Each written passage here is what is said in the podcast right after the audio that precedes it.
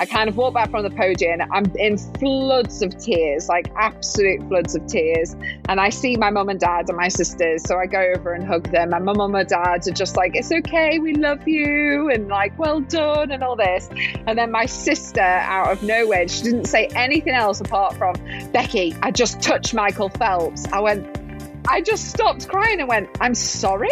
What? And she was like, she was like, Michael Phelps has just walked past, and I just stroked his shoulder, and I was like, oh my god, people thinks you're a right weirdo. But it just made me absolutely howl, and in that moment of just tears and the that whole emotion, do you know what? It totally made me laugh, and I was like, that's exactly what your family are for. To just something like that after that moment, she was so bothered about that she had touched Michael Phelps on the arm as he walked past. She didn't give an absolute crap about me. I was like, that's hilarious.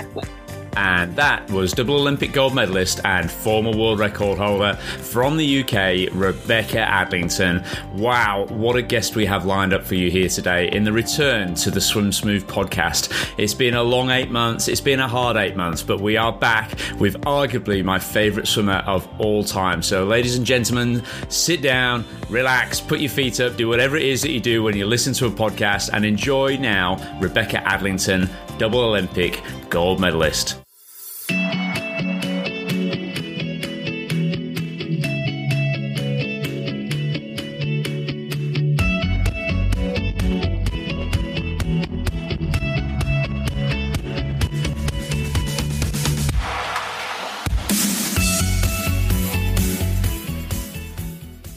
So it is an absolute pleasure to be on the podcast today with one of my absolute heroes. In fact, not one of my absolute hero, my absolute hero in swimming, uh, Becky Adlington. We uh, we met 10 years ago when you very kindly allowed me to film your swimming down at the uh, Park Club in the UK. And uh, ever since that time, I reckon I've actually shown your video at least 10,000 times over the last 10 years. And I was so honored that you let me actually film you and then share it with, uh, with swimmers around the world and other coaches, etc. That it's taken me 10 years to actually pluck up the courage to just actually reach out to you and see if you'd come on the podcast. So it's a, it's a great privilege and a massive honor to actually have you on the show today. Thanks so much, Becky. Oh, thank you for having me. I kind of feel bad that you've had to watch that so many times. I'm like, poor you. no, not not at all. I've got I've got a, a folder with at least um, I, I, I'm I know I'm blowing smoke up your up your backside here a little bit, but I've got a folder of at least eighty uh, elite athletes that I that I refer to when I'm talking about stroke technique and the different nuances of it, etc. And and um, but as anyone will tell you, uh, anyone who's been on our course, it's yours that I always go back to. So it's uh, it's brilliant, and um, it was awesome actually watching your stroke when I was down there in um, at the Park Club and um, and just talking about it. So how are you doing today, anyway? Yeah, no, good. Tired, but I'm good. Yeah, yeah. was up at like five. how, how old is Albie? He's only few, like eight months. Is that right? Or eight eight months? Yeah. Yeah. Right. Yeah. Wow. So it must be yeah full on, hey. Yes. Well, to be fair, he's, he's he's all right at sleeping. It was just this morning was a rare one that he was up at five, and I'm like, I can't deal with it anymore. I know people say like, oh, from swimming, I should be able to do the early mornings. I really can't anymore. I've been retired nine years. I can't be doing with them. I put Lucy onto the Sky Sports interview that he did recently with Hannah Wilkes. Oh, okay. It was awesome, actually. I don't know if you remember. It's probably seemed like ages ago since you did that, but um, yeah, yeah. pre, I think it sounded like you were you were pregnant at the time, so uh, yeah, yeah, pre all of that basically. And um, she uh, she made big mention, or you made big mention about setting the alarm clock in the morning. And me and Lucy had a bit of a giggle about that earlier on today because I'm up every morning coaching at four thirty a.m. and um, I, have got to admit that I'm one of those people who actually hit snooze at least three or four times before I get up, much to the annoyance of my wife so weird. Some people are just like they set their alarm knowing that they'll snooze it so they c- allow themselves that couple of minutes. And i guess it's what you prefer whether you want that couple of minutes just to kind of like doze. But for me i'd prefer to get that extra four or five minutes whatever it is of solid sleep and then just get up when i'm meant to. I, I just can't snooze. I've never snoozed. I know. I, I'm really bad for it. Actually, I got I think mine's set apart by like nine minutes or something, and it goes off at four thirty every morning, and then it's four thirty nine, then it's four forty eight, and then it's five four fifty seven, and then I've got I think I've got to get down the pool deck, so I better head off down there. So um, yeah, we had a little bit of a laugh about that because uh, Lucy, you're the same, aren't you? Mine goes off about four times, and then usually on the pool deck at like four minutes past five thirty. Yeah. so I'm going to try tomorrow morning to do it because it's a false economy, really. Like I'm not getting better. I think, oh yeah, I'm getting more sleep, but it's actually worse sleep. So I'm gonna I'm gonna commit in front of my coach. just setting my alarm and getting out of bed when the alarm goes off you know, obviously you're you've got a great relationship and uh, and great working relationship with Bill Furniss, who was your coach. Um, are you still in touch with Bill quite a bit? By, by the way. Yeah, yeah, still in touch. Um, it's one of those that now we kind of just talk about the fact like he's getting a new puppy next month. So we just talk about like kid stuff or puppies or like what we're up to. It's nothing ever like highbrow or anything swimming related, which is actually really nice. Yeah, totally, totally. He um, he's obviously got a, uh, a very fine eye for for stroke technique. Did you presumably when you were a kid you did a lot of technique work as a as a kid? Is that right? Yeah, loads. Um, it was one of those that whenever I went off on a training camp with like other coaches, I would come back and my coach Bill would always be like, God's sake, Beck, now we've got to spend like the next two weeks unpicking all these bad technique habits that you've just because the thing is, other coaches you can't help but kind of go off their technique points and you kind of change techniques even in like just the short space of a training camp. So he always used to come back and be like oh god we've got to unpick this now and spend ages going back over technique all the time. But he was a real stickler for technique um, and kind of that was the thing especially when i was ill as well that it was kind of like to always come back to. So I was gaining something from the session, and he kind of always tried to make that kind of an absolute fundamental is the is the technique and holding that. Then as I got quicker and doing kind of more pace work, that held that same technique. So he he was really big on that. How sick did you get with glandular fever? Because I know I had it when I was doing my A levels in the UK, and it just knocked me for six for about seven months. In fact. Yeah, mine was probably about that as well. Um, it kind of fell at the same time that my sister had encephalitis, a brain virus. So I think it just, everything was just off at the same point because I was kind of off with glandular fever and post viral fatigue. And then my sister was ill. So it was kind of just something I kind of really dropped down. I probably went back to just doing evenings. Um, so I went back and really stripped it back to doing probably only six sessions a week. Um, uh, probably a period of about four months. Um, but then in total, um, I was probably not at like my absolute 10 swim sessions, doing all the hard work without all the monitoring, blood tests, all that sort of stuff, probably for around 10 to 12 months.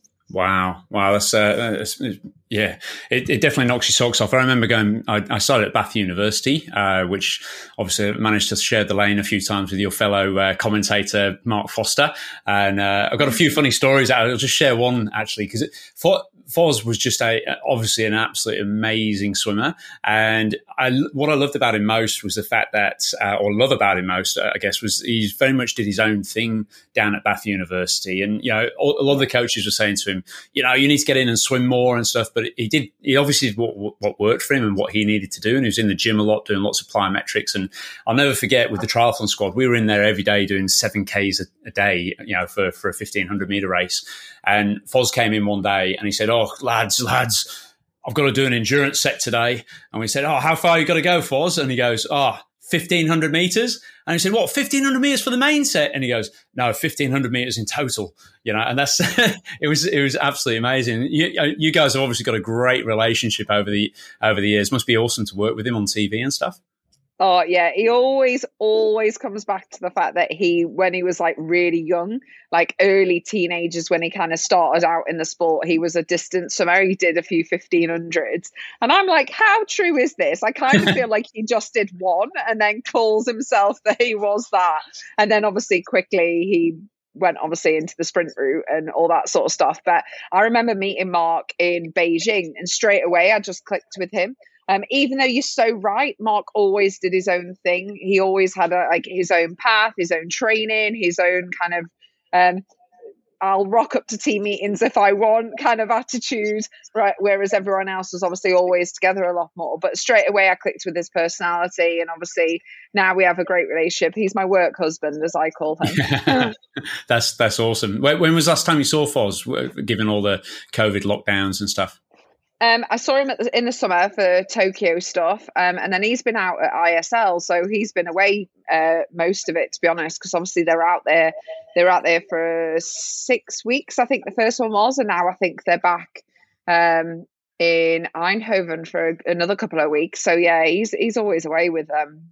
Yeah, wow, wow! It's uh, obviously a very busy, busy uh, lifestyle doing all that type of thing. Now, um, Becky, I've got my uh, co-host on the uh, on the call with us today. This is uh, Lucy for uh, the listeners who haven't met Lucy before. Lucy actually swims with me at the squad here in Perth. She's a fellow expat like myself, been living over in Perth for quite a few years. And I don't know, are you into ACDC, Becky, at all?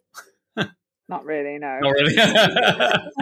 Lucy organised an, an, absolutely amazing. It was called the Road to Hell. Uh, maybe you can just tell us briefly, Lucy, about that. It was a, a massive ACD DC um, contra- um, what do you call it? Like a um, uh, a, you know, an ode to ACDC basically, and yeah. it happened right before the first lockdown of, of COVID. Yeah, Lucy, it was, it was pretty amazing, wasn't it? It was quite incredible, particularly looking at what happened to the world. It was first of March last year, and um, Bon Scott's buried in Fremantle Cemetery, and there's a big stretch of Canning Highway that's known as Highway to Hell.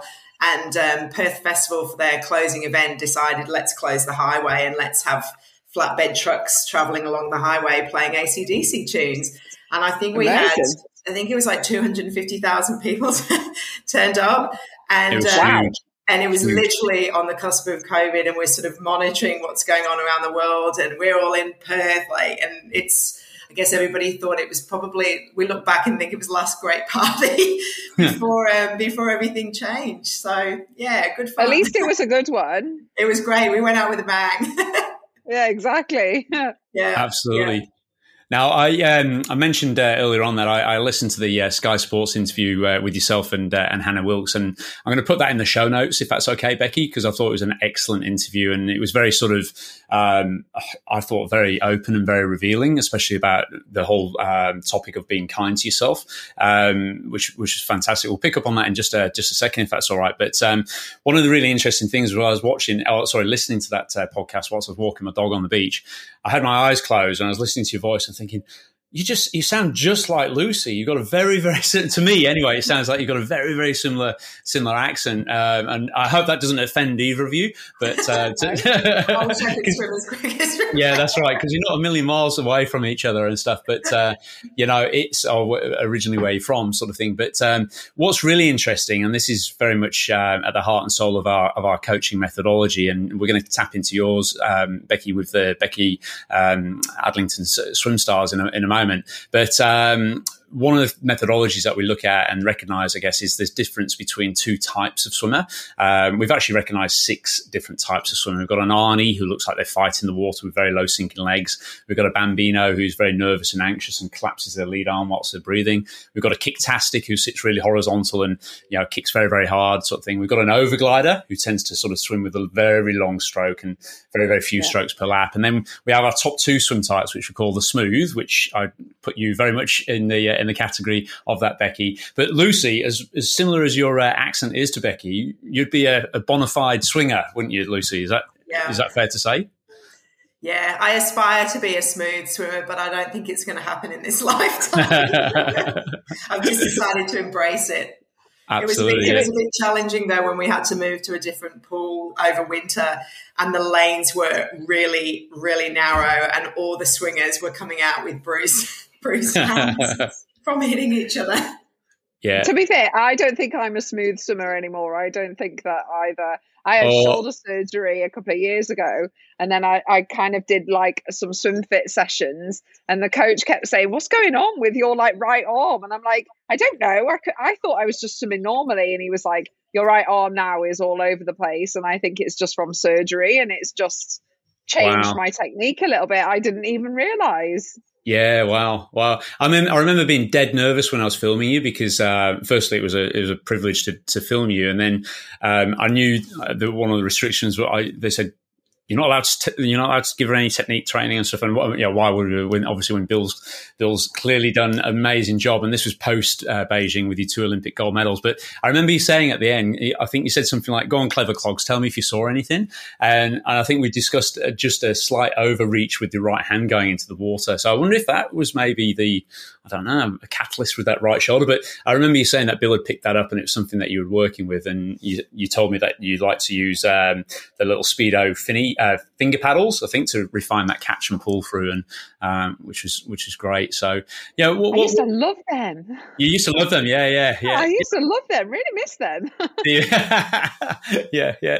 So, what, what sort of technique work would you have done with with Bill then to actually refine this stroke? Because we um, I, mentioned in the uh, in the email to you, uh, you want to probably been aware of this, but we ran a blog, a really popular blog, just after the film you called "Bend It Like Becky," after the Keira Knightley film "Bend It Like Beckham," and we talk about how how good you catch is by bending the elbow, and you know millions of people have, have seen this now and um, and aspire to that sort of thing. So, so how did you develop your catch? What did Bill used to do with you to, to improve that?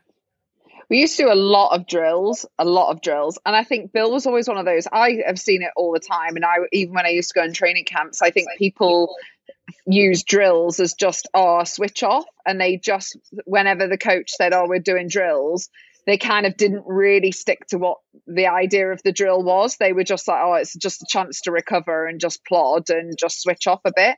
Whereas Bill was like real stickler for doing the drills properly. Um, it wasn't a race. It was that opportunity to kind of just really slow it down. Um, and I think a lot of people always use fins as well. And we did use fins. Of course, we did when we were doing drills, but it was about doing them without fins as well. So you can really maximize the, the amount of time that you are that swimming strokes. When you got fins on, you go further underwater. You only do, you do way less strokes per length and all that sort of stuff. So doing it without fins was just as important. The paddles, we used to snorkel a lot. Um, but to be fair, the snorkel came into it when I started having shoulder issues. Um, and to be fair, that's where Bill really um, had to kind of hone in on that technique because bad technique or kind of when I was tired and that technique slipped was when my shoulders used to play up. And then right. I'd have to spend the whole week having physio and massage, and it just used to. So he was like, if we, unless we get that technique right, um, you're just going to have more and more issues and more and more problems with the shoulder. So yeah, we did loads of stuff like that. We did loads of analysis with sports science towards the end as well, um, before London, kind of a breakdown of that stroke. Um, I would, I always had a preference of what side I breathed as well. So Bill noticed that I was better one side than the other, and kind of all that breakdown of that sort of stuff. Um, Can you remember which is, side that was, Becky? I can't. No, um, it was just one of those that I I did always. Whenever you come to a race, you still breathe both sides because you want to look at the competitors.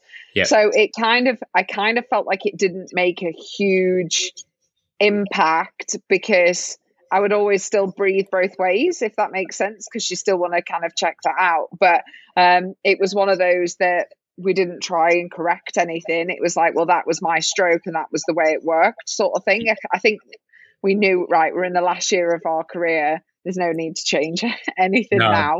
Um, and that sort of stuff working on my leg kick was really huge as well. Um, i really struggled actually when i came to australia. Um, in 2010 i came to brisbane to train with Michael Bohl and i really struggled that kind of two two months of my life where I came here because I absolutely loved it and I loved the training. But they used the massive hand paddles all the time. They absolutely loved the big hand paddles. And there's me with my little diddy ones like this. And I really struggled using the big ones. Like I found that my technique was going all over the place. I feel like it just really affected my technique. But obviously, it's because I wasn't used to using them, whereas those guys were. So putting the big paddles on was a real strange feeling for me because, like, like uh, like you said, I only ever used the the little ones. So I did adapt towards the end, and then I actually really really loved them. But it did take me probably like four weeks to go. My God, these are different, and kind of get my head around the big paddles. Yeah, wow, wow. Did you, um, when you were um, obviously commentating for 2020 Tokyo Olympics, did you did you? I, am assuming you had, you watched with great interest as uh, Ariarne Titmus from uh, from Australia knocked off Katie Ledecky off the podium for well, not off the podium, but off the top mantle, I should say, for the 400 and 800 freestyle.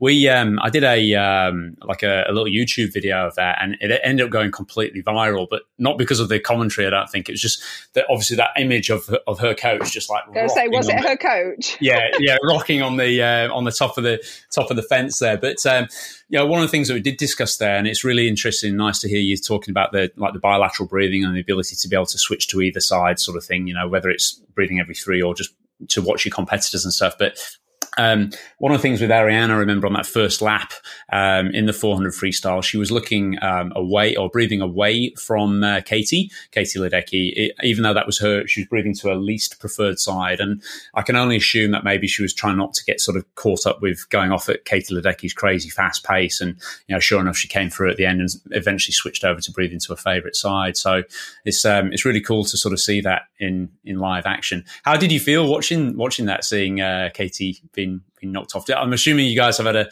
big rivalry over the years, and do you know what? I've I've got so much respect for Katie. Like I really, um, I thought after London, I just loved that whole process. She was so lovely to me, and I was. I hope I reciprocated that back to her because I was so like impressed by her at the time. I think she was only like 15, 16 year, years old in London yeah, she was so young, and I was like congratulating. I think it really helps, obviously, when you speak the same language, um, mm. and to kind of gain that understanding. Because sometimes, like if I race Federica Pellegrini, we struggled with a language barrier, so it was kind of nice with Katie because I felt like we had that relationship.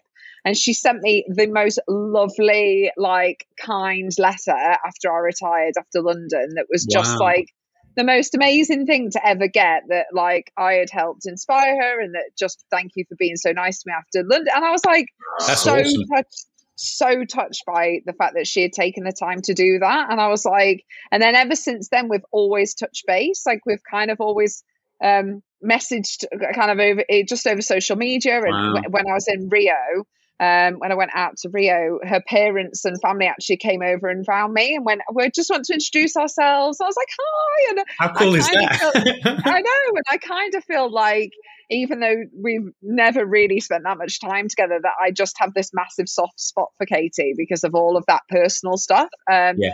And obviously, I, I don't um, know Ariarne's at all, but I think it was one of those that swimming cycles are always going to go like that. Yes. Somebody's always going to get beaten. Like as much as I fly the flag for Adam Peaty, there will be a day that he gets beaten. Of course, there will. Um, like everyone, Michael Phelps has been beaten. Everyone is there to be beaten, and I think it's for me what was so refreshing was that somebody else had finally caught Katie up because the gap was just so huge, and it was kind of like going, "Hold on, how is this possible? How is nobody else caught up or caught on to what she's doing and actually it was so amazing to see her have that rivalry and and it, in a weird way i actually think it'll benefit katie because i feel like she's just had it not easy at all because obviously she puts the work in but she never had to have that race and that challenge and i think it's one of those that she'll have learned a lot. She'll have gone away from Tokyo and really learned so much. And I think sometimes you learn more in those tough times than you do the good times. Yeah, absolutely. Yeah, I mean that's a, a, message in that for, for everything, isn't it? Really, um, absolutely. Given given COVID and etc. at the moment, but um, so just just thinking back to that race in uh, in London in 2012 when you're racing the 800 freestyle. I've just watched it earlier on today. It's an amazing, amazing race, and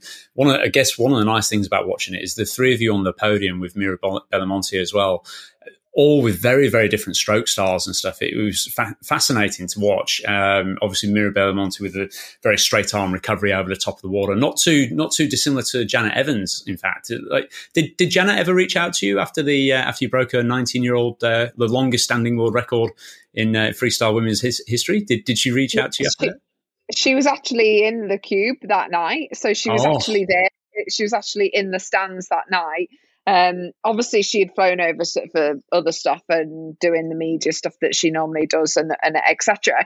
Um, so at a speedo event, maybe after the swimming had finished, um, I think it was a speedo event. She was at the event and she came over to me and she was like, "Becky, I'm Janet," and I was like, "Oh my!" Because obviously, I didn't know what she looks like now.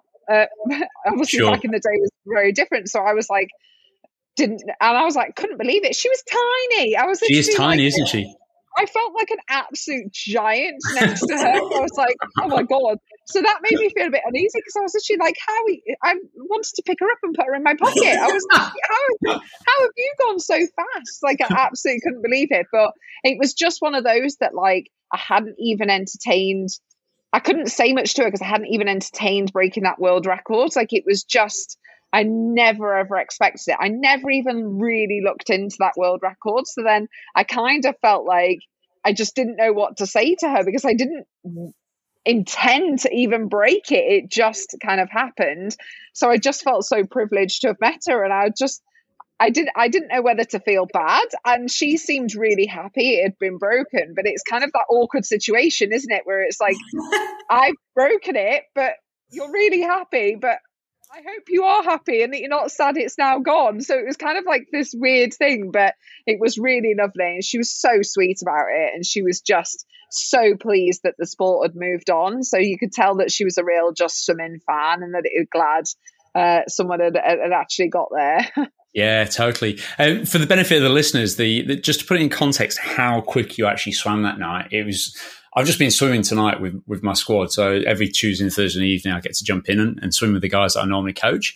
And you know, we, we talk here at Swim Smooth about CSS pace or critical swim speed or threshold pace or what have you, which is normally like your average pace for 1500 freestyle. And we were doing a set tonight and I did it, I'm probably going to call it the Becky Adlington set actually because it, it was a it was four times 200 um, with about 15 seconds rest, trying to hold just under uh, or just around about threshold pace, and then did 650s fast, and then another four 200s, and then another 650s flat out at the end of it. And um, I I'm swimming reasonably well at the moment. I've been a bit, I've been a bit slack actually the last few months. But just to put it in context, my and more so for the benefit of the listeners here, my CSS pace is around about 120 per hundred long course at the moment.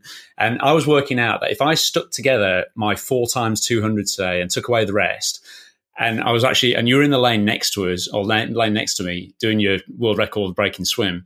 You'd be about 130 meters ahead of me over 800 meters, which is just it's just like yeah, 120 without like yeah, it's a it's a reasonable pace sort of thing in the long course. But I, w- I was working out whilst I was swimming, thinking I'm absolutely you know nose to the wall here, sort of thing. I'm going as hard as I can, and and Becky would have actually done 100. She would have been 130 meters ahead at the at the end of that, and th- that was very reminiscent actually when we when we met you in London. Um, I don't know if you recall, but it was for a Cancer Council uh, charity or for a cancer cha- charity, and. Um, we uh, the whole idea was it was a race against Becky, and there was loads of teams. They all everyone had to do eight times fifty meters freestyle in the short course pool, and you had to swim a 400 freestyle and we had to race against you.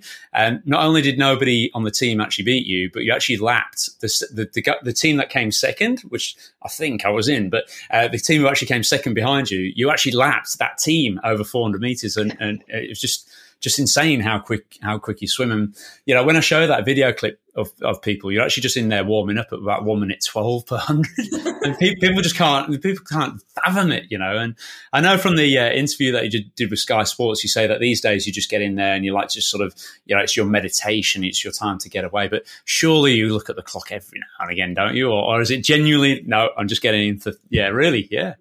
You know what? It was one of those I didn't swim for six months after I retired. I didn't want to know the swimming pool at all. And then I started getting back in and I've done little bits, um, take away pregnancy or giving birth um, twice. So take that bit out. And then over COVID, obviously our pools were completely shut for a year.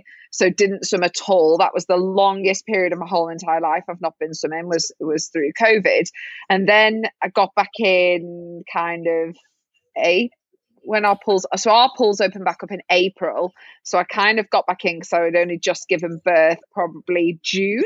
So I've only been back in the water a couple of months and I only go once a week and I only normally do like two and a half K. That is it.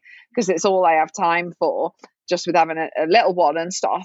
And this week was actually the first time it's since I've retired that I did four 100s. And I just thought to myself, this wasn't fast. I was like, I'm just going to do four 100s where I'm they're off 90 seconds and I'm just going to try and just not go as plod just to kind of entertain myself. I don't even know what sparks it off in my head. And I just, I, my heart rate wasn't even high or whatever, but it was like so weird because I wasn't tired after. It was just one of those that felt such an alien thing, like looking at the clock, going off 90 seconds and kind of doing all that. And it did actually afterwards i actually really enjoyed it but just because i gave myself a session normally i just dive in and i just swim i don't even yeah, think wow. about how i'm breaking it down or what i'm doing if i want to do a length backstroke i'll do a length backstroke I, I just wing it so it was actually nice to have that little bit of like okay just going to do full 100s and see how it goes. And it was just, I, am now like, oh, I might do it every week. wow, wow. Are, are, these in, are these in like public sessions that you're swimming in? yeah, yeah. Yeah, yeah. yeah. Do, do, do, I'd love to see that. I, I, was just, I was just thinking, I've just got this picture of Becky Adlington walking into a public session. Maybe no lane ropes in there. People doing breaststroke and stuff like that, head up breaststroke, and you're in there swishing out full times 100 meters. It's just. Do you know what? Yeah. I get so angry. I don't know what it's like there in Australia, but pool etiquette here is like my. Ugh. I'm literally like, it says a fast lane. If it says a fast lane, unless Be you fast. are Adam unless you are Adam Peaty, you should not be in the fast lane doing breaststroke. if you, unless you are Adam Peaty, that is like my rule. Like, and I don't just mean like if you're doing medley or like if you're a swimmer. I mean if you can't do any other stroke than breaststroke with your head up, get out the fast lane. That's like it really, really bugs can you, me. Can you champion that in the UK because it's every British person that goes back to the UK to try and do a pool session I, I, I, do a couple of laps. I'm like, I'm gone. I'm gone. This is not acceptable. it's so annoying because like the pool gets really annoyed with it as well because they put like like the pool I submit as it's a six lane pool. Three lanes have no lane ropes at all. So there's like an open section, and then there's the three lanes. There's a slow, medium, fast lane, and the fast lane has always got somebody in it that's swimming head up breaststroke, and I'm like, but there's nobody in the slow lane. Just go in the slow lane. And then I get in the slow lane because I'm not going to get in the fast lane and swim with somebody like that. I'd rather have my own lane. And then I get told to move. And I'm like, oh, I get, honestly, Very I get so problems. it's, it, it's so frustrating, but it's one of those because I don't particularly go fast. I normally end up having a chat to whoever's in the fast lane with me. There's quite a few people that go where I go that are just will put their hat and goggles on that actually do swim that I end up having a chat to them about, and it's then it's really nice. So I don't mind. It's just when they're doing head up. Yeah, a lot of them yeah. do. A lot of them do, but everyone just gets on with it. Everyone's just like, "Oh, it's nice to see you," or somebody just says, "Oh, it's nice to swim in a lane with you," and I'm like, "Okay, Aww. thanks." like, so they're all really lovely. It's absolutely fine. yeah, I was going to say it must be. Uh, it must be I mean, if I was in that pool, I'd be, I'd be, I'd be hounding you, I dare say. And but, uh, but um, you know, I guess, I guess it, it must be tricky, you know, just wanting to get on with it when you've got a short period of time just to be able to get in there and and do it. And I think one of the things that really shone through in the uh, Sky Sports interview was this idea of just being kind to yourself and um, you know getting back into into things and just making sure you're just making a bit of time for yourself. It sounds like you've had. Um, I think you actually mentioned that you know, in the last uh, 10 years, you crammed into the last 10 years what most people try and cram into in about 30 years of their life. So you're obviously a very hard worker and, uh, and stuff. Are, are, you finding a little bit of peace with that at this point in time, or is it all kicked off again with the birth of Albie?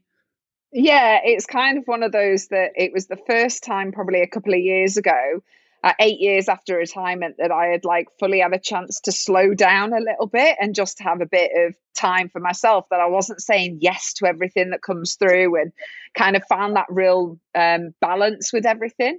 Um, and then COVID hit and then had another little one that it's all kind of ramped up again. But it's one of those that I think it's so important. I don't know what it's again like out there for, for you guys, but mental health and that self care has just been the the biggest topic that every company have been talking about through throughout COVID and working from home and kind of just finding that time. Um, and I think it's one of those that we're. I don't know where you are in lockdowns or COVID we're very lucky, very lucky of it. I mean, we we are stuck here, like we're not allowed out of the state and out of Australia, and it probably okay. for at least the next twenty years, by the sounds of it. oh. um, but but nobody's got COVID, and it's we're very lucky in that regard. So we, we have had our closures and stuff like that, but um, but we've been very lucky, especially you know compared to the UK. I know it's been very very tough over there.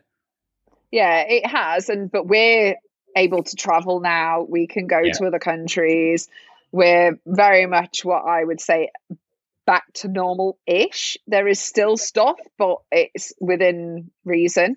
Um, so for here, it's just kind of weird because I feel like people have come out of this 18 months period of real hard just being at home, can't even see their family.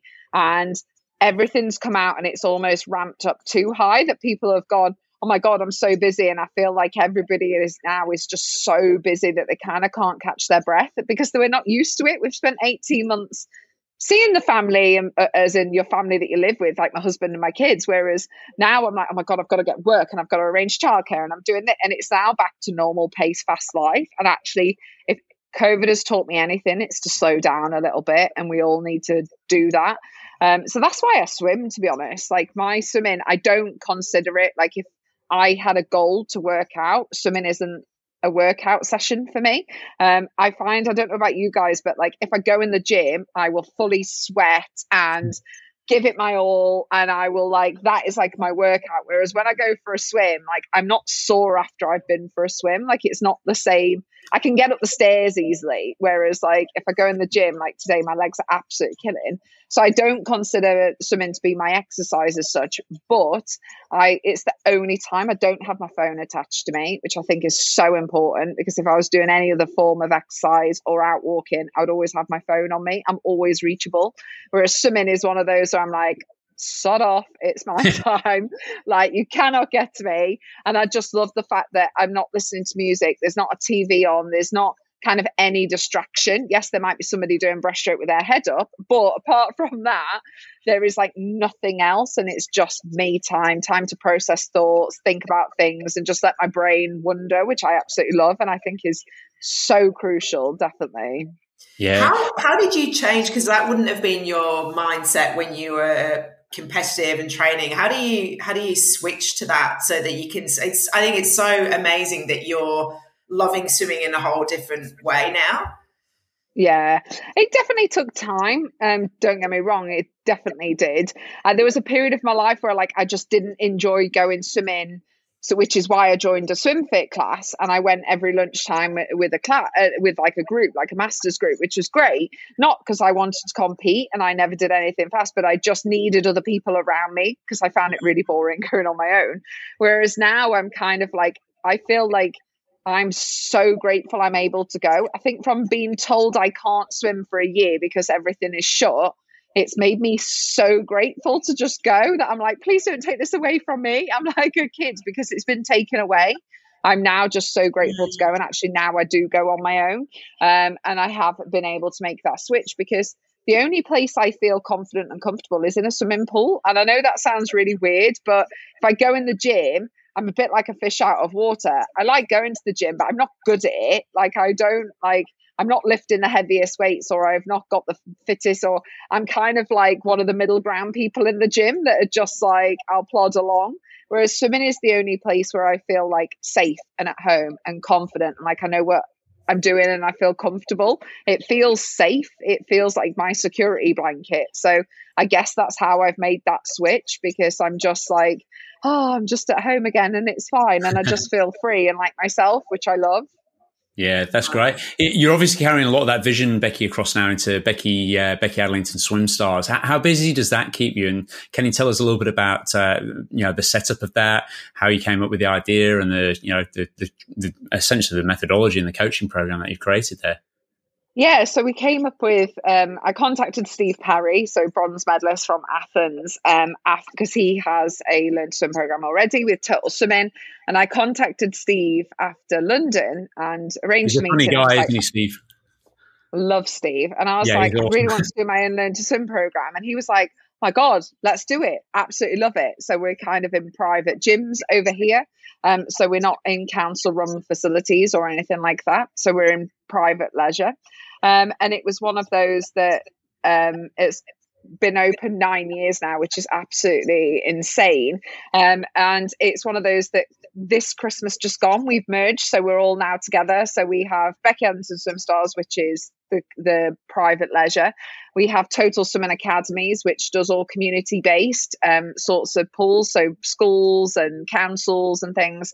And then we have a company called Swim, which builds our own facilities and we run them out of our own facilities. Wow. So now we cover like all sectors of swimming, which is great here in the UK because our statistics on learn to swim are absolutely outrageous. Um, and it's one of those that we feel like we've covered all grounds here and that we're maximizing that water space because that's what water space is like gold dust. I don't know what it's like over there, but it's absolute yeah, it gold yeah. dust.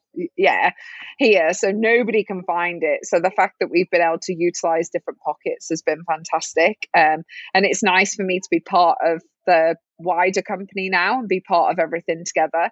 Um, and we set up Becky Adlington training as well because we noticed people just couldn't train to be a teacher either. And it was very small, few and far between. And actually, the, we were missing a massive gap because there's people that do want to do that. People at uni, people want a job to do while they're at university or Uh, somebody's a parent and they want something a little bit part time or something like that, but actually they just needed more of kind of availability to train. And we've been able to do it the past 18 months as well online. And then they come in for their practical. So we've kind of adapted to COVID. I mean, we've trained pretty much over a thousand people just in wow. the past kind of 18 months of lockdown, which has been fantastic. And yet there's still a huge teacher shortage here.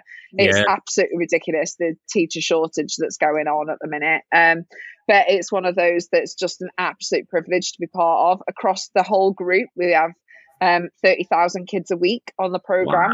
Wow, um, really? So yeah, so it's going really well, and it's one of those that don't get me wrong, it definitely has its challenges, um, and it it doesn't dent when it, it, seems so small when you think about the number of kids leaving primary school is a million children just in the UK. Yeah, wow. It seems like our thirty thousand such a small little thing, but it's one of those that obviously pulls space here. Unfortunately, pulls.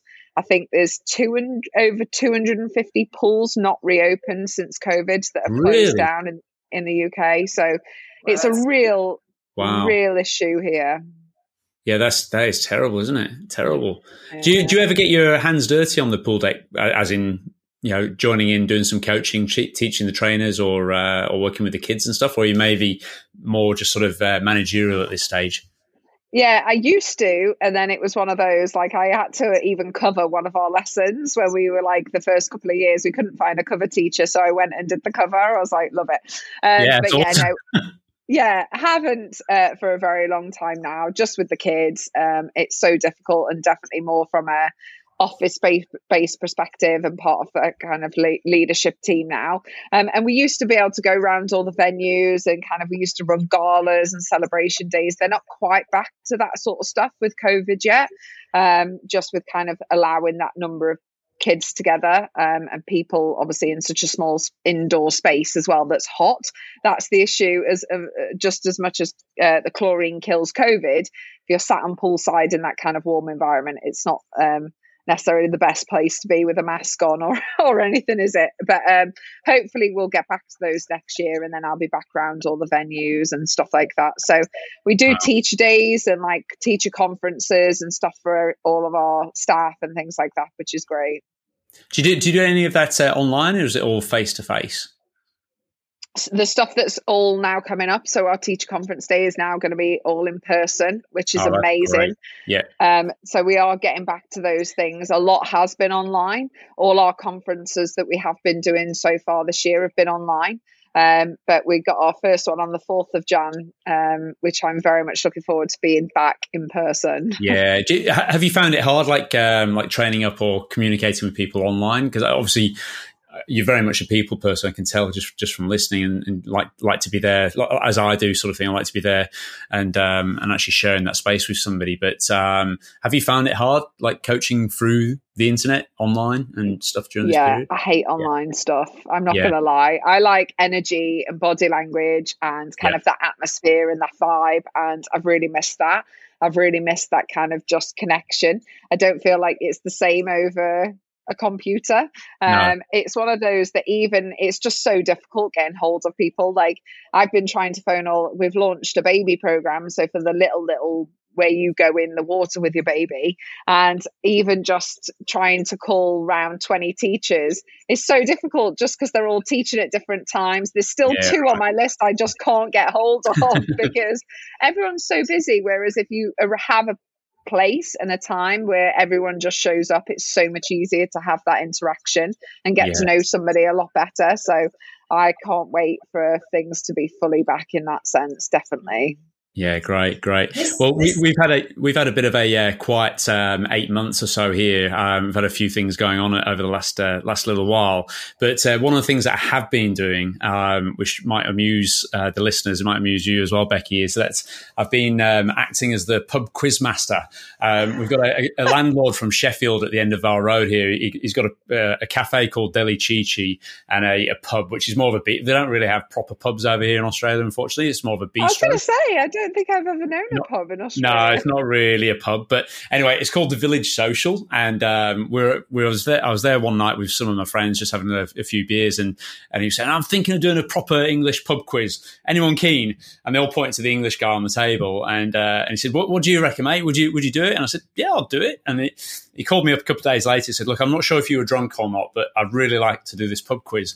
And uh, we did this pub quiz, and um, it was all in ch- in aid of um, the charity Wandering Warriors over here, which is for the returning servicemen and women, basically coming back uh, from from various places around the world and stuff like that. And every night, um, oh, sorry, every Sunday night, we do this pub quiz, and uh, I'd always aim, always aim to do hundred questions, and it was all the local, wow. um, yeah, yeah. So it was all the local school mums and dads who would come in. So they put in teams of like five or six together, and um, and I do all these questions, you know, geography, um, science, maths, whatever it might be, sort of thing. And um, and I've had a lot of fun with it. But I don't think I've been that popular because the highest score so far is fifty four point five percent. So I think I've made some of my That's questions very exact. Yeah, exactly. Yeah, yeah, yeah, exactly. Morning, like, yeah, that's right. Like those numbers. So, if it's okay with you, Becky, I'd like to finish off with 20 questions, um, okay. a little bit pub quiz style with, you, with yourself, sort of thing. Um, some of them about you, some of them maybe, uh, maybe I've thrown in a few of these pub quiz questions in here as well. But if it's okay with okay. you, we're going to go these 20 quick fire questions. All right. I definitely won't probably get 54%. Just putting it out there. I'm definitely going to be less, but let's. No, I reckon, I reckon, I, reckon, you should be good on these ones here. Um, now, we've already touched on maybe a couple of these, so hopefully we'll be able to just uh, run straight through them. But first off, what's your favourite colour? Colour, purple. Purple. Very good. Um, what's your favourite book? I don't think I have one. I don't think I have one. Hmm. Something to ponder, maybe. Okay. All right. No worries. I'm reading a good one at the moment. I'm just, just reading a, a complete f- bit of fiction at the moment, uh, and also like a, a, bit of a self help lead. Uh, was it People Follow People or something like that, which is like okay. leadership, but it's a good one to worth worth checking out, sort of thing. Uh, number three, then. What's uh, your daughter Summer's favorite movie? Mamma Mia, probably. Really, Mamma Mia. She loves Mamma Mia. She's kind of went through a stage where everything was Mamma Mia. She's not asked for it in a while, so maybe maybe she's moved on. Wow, not the classic Frozen. Then I, I just I thought it was a dead set Frozen answer that one, but no, she she's never been massively into Frozen. She liked Moana. She preferred Moana to Frozen. Okay, yeah, yeah. Power to power to Moana. Yeah. um, where did you and your uh, and your new husband Andy? Obviously, you've just come back from uh, honeymoon, so congratulations. Where did you Thank and Andy you. actually meet? Uh, we met on Bumble on a dating app in Liverpool. Really? Yeah. Awesome. awesome. I don't awesome. know whether you guys have Bumble. Do you have Bumble? I, yeah, I have. Uh, it's, it's supposed. I listened to a podcast about that, and um, apparently, it's the uh, the the ladies in control. If I'm getting that right, you've yes, got more. Yeah, yeah. yeah so yeah. you still match. So like you, it's exactly the same as every other app. So you still match, but then the girl has to talk first. The guy can't talk to you. You have to talk to them to start a conversation. I think right. I sent a GIF to Andy. I think I sent a stupid GIF of like Forrest Gump waving or something like that. I can't even remember. Like it's a real stupid gift because I was like, oh, I just want something light-hearted, not hey, how are you? Yeah, yeah. Yeah, I, am curious though. Did, did you do you have to have your surname on there? So did he know it was actually no? No, what, so he had no idea. He had no idea. So we were talking on the app for maybe like three or four days, and then he, he was like, "Oh, can I have your number?" And I was like, "Oh, don't really want to give out my number just yet. Like we've only been talking a couple of days." I was like, "Well, why don't as to get us away from the app, we add each other on Instagram?" and talk over Instagram. So when we added each other on Instagram, then the penny dropped and he was like, oh. That's awesome. I don't know if you've seen the. T- have you seen the TV show T- uh, Ted Lasso? It's on uh, on oh yeah, TV. yeah, the football one. Yeah, the football one. Yeah, I've just been watching that, and they, there's a they're on a dating app, aren't they? Rebecca, she's called, is the um, is the owner of the of uh, Richmond AFC football club, and she's actually ends up dating one of the uh, one of the football players who's like at least thirty years younger than than she is. But um, yeah, that's a that's an interesting well, one. to be fair, you put in your age. oh, you put in your age? Yeah, okay, yeah, yeah, yeah. yeah. yeah. then again, you could lie, I guess. I guess you could. Yeah, I guess you could uh, bend the truth a little bit there. Yeah, yeah. Um, so, where did you and Andy go on honeymoon? You just come away, come back from there. Where, where did you manage to go to? To be fair, we don't really class it as a honeymoon. It's more of a family holiday, seen as is it your honeymoon when you go with two kids? stuff is not really the same, but we went to Cyprus, which was absolutely lovely. Oh, Obviously, yeah. for us, it's really difficult the end of October to go somewhere close that's hot because hot, obviously yeah. it's gone, it's gone, it's so cold now. Um, so even going to places like Spain or whatever isn't really that warm this time of year. So no. we had to go that kind of little bit further of going to Cyprus or whatever. So yeah, it was really nice. It was just nice to be away. It was our first time we've been away in like two years, so it was lovely. Wow, wow! Oh, for my for my honeymoon, I went skiing with the family actually, and we were in Montreal in Quebec, um, so it oh, was a family affair, a family affair for us as well. And uh, Michelle, my uh, my wife, her dad's um, like I refer to him a little bit like Robert De Niro in Meet the Fockers or Meet the Parents. He's a little bit like hardcore like that. And he was trying to teach me how to ski down this hill. And he's like a full bore Canadian skier. And uh, I wasn't taking too well to the uh, to the tuition actually. But I don't think I would either. No, no, no. There we go.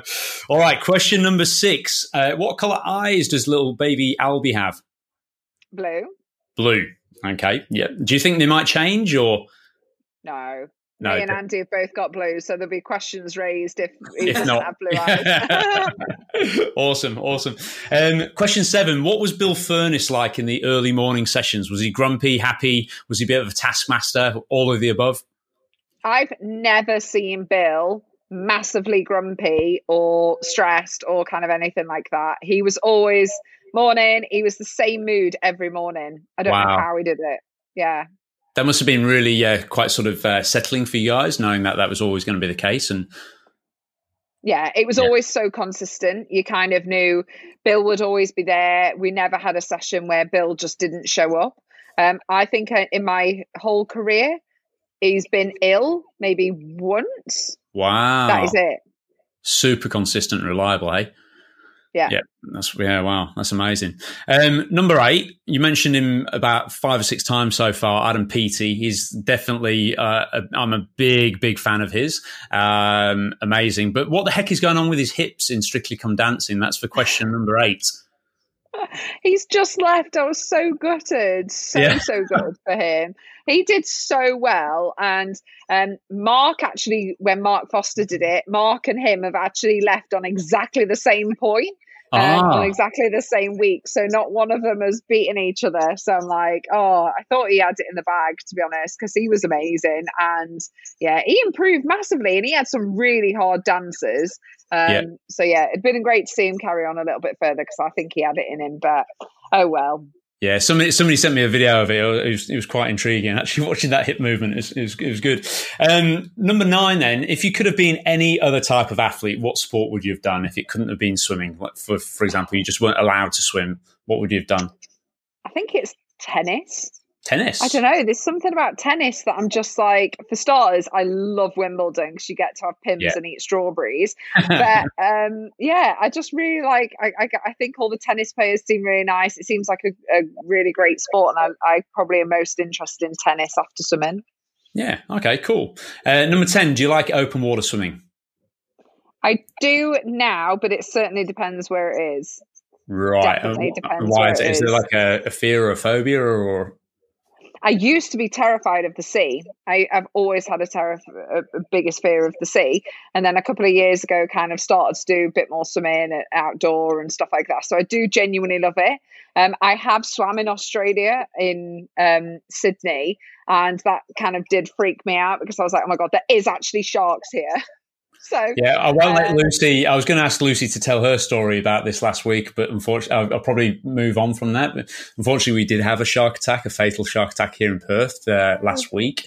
Terrible uh, at the beach where both me and Lucy swim every. Um, well, I swim down there every every Sunday, but um, yeah, condolences. Please don't go anymore. No, I know it's it's, um, well, it's, it's been 21 years. I think I think for me the worst thing about the open water is the stingers and the scars that are left on your body at the end of summer. Yeah, yeah, that's yeah. true.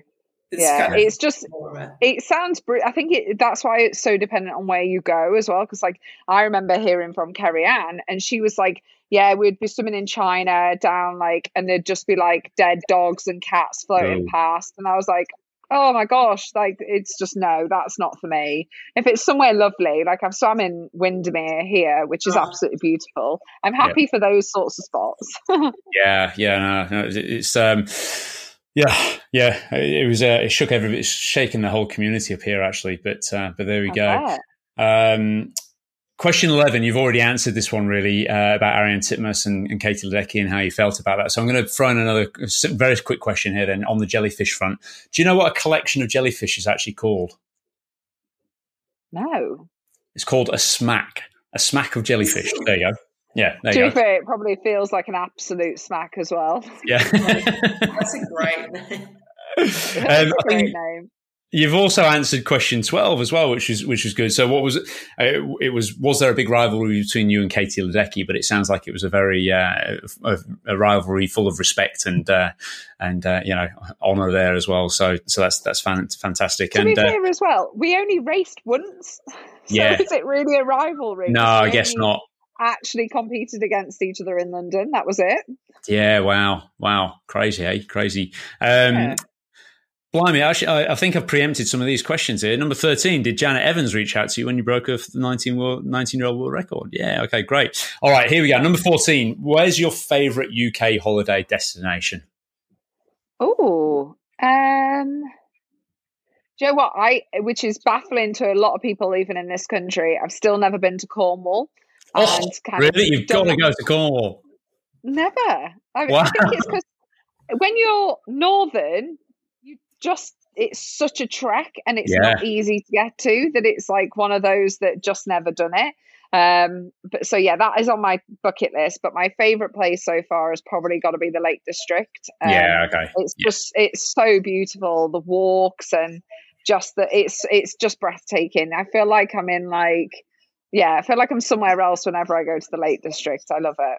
Yeah, yeah. I, I, had my funny enough. I had my rite of passage as a as a young man uh, going to uh, going to Cornwall with my mates down to Newquay. We drove down from uh, from Halifax and Leeds all the way down to uh, down to Cornwall. It was a massive trip, like eight, seven or eight hours or something like that. I'll never forget it because the first day we got down there, the weather was absolutely brilliant. We went out surfing, all, all pretended to be surfers with long hair and stuff like that. And um, and then the following, the rest of the week, it just poured down with rain and didn't stop the whole time.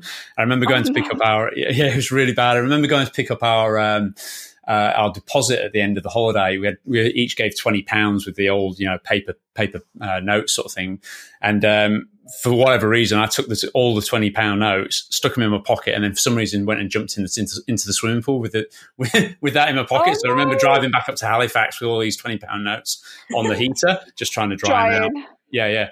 Anyway, nearly done. Um, what's the capital of Peru? No idea. Lima. Lima, that one. Ah. Uh, um, did you get time, much time to spend with Michael Phelps? Did you ever meet Michael Phelps? Spend any time with him? Um, well, I tell uh, well, there's a couple of stories that I do tell because with um, Michael Phelps, I remember after because I always raced the same evening as him. He, I was always like the 800 was kind of the race after his sort of thing. Um, so I was very lucky enough to often be like in the drug testing room, which isn't glamorous at all. And I remember um, after Beijing being stood there with my flowers and obviously, I come in just from the podium because somebody's chaperoning you around and kind of hustling you through.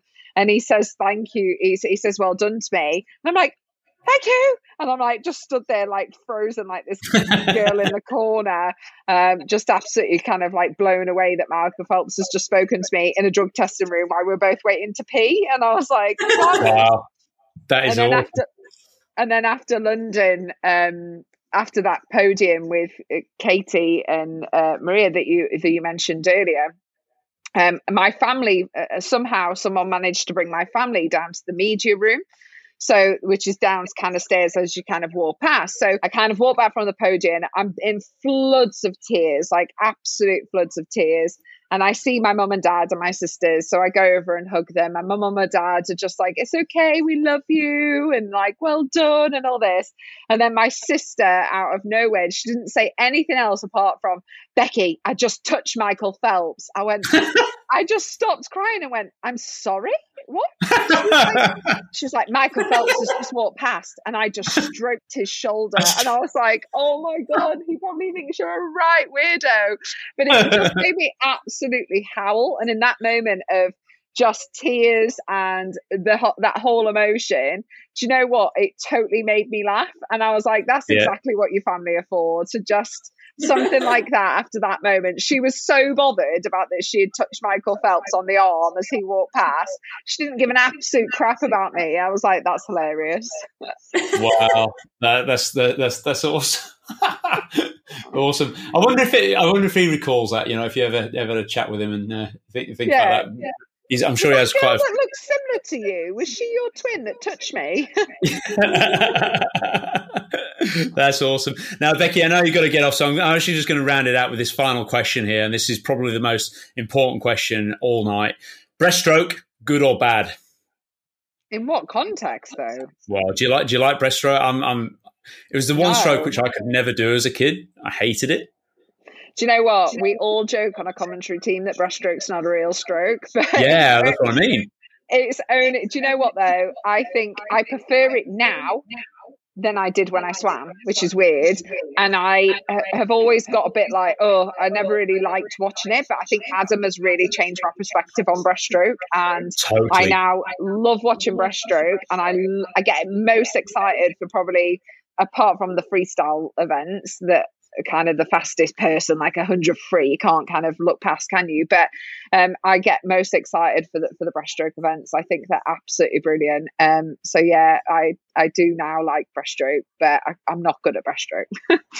no, me, me neither. I, I, Lucy, can you do breaststroke? Yeah, I, I used to love breaststroke, but I haven't swam it for so long. And then I swam it the other day, and I can tell you what, as you get older, it's not easy. Everything was aching, hips, knees.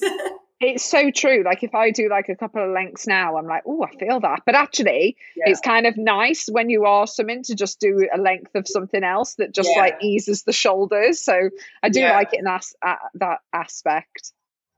Yeah, I just I just can't get I just can't get around it. But you're quite right.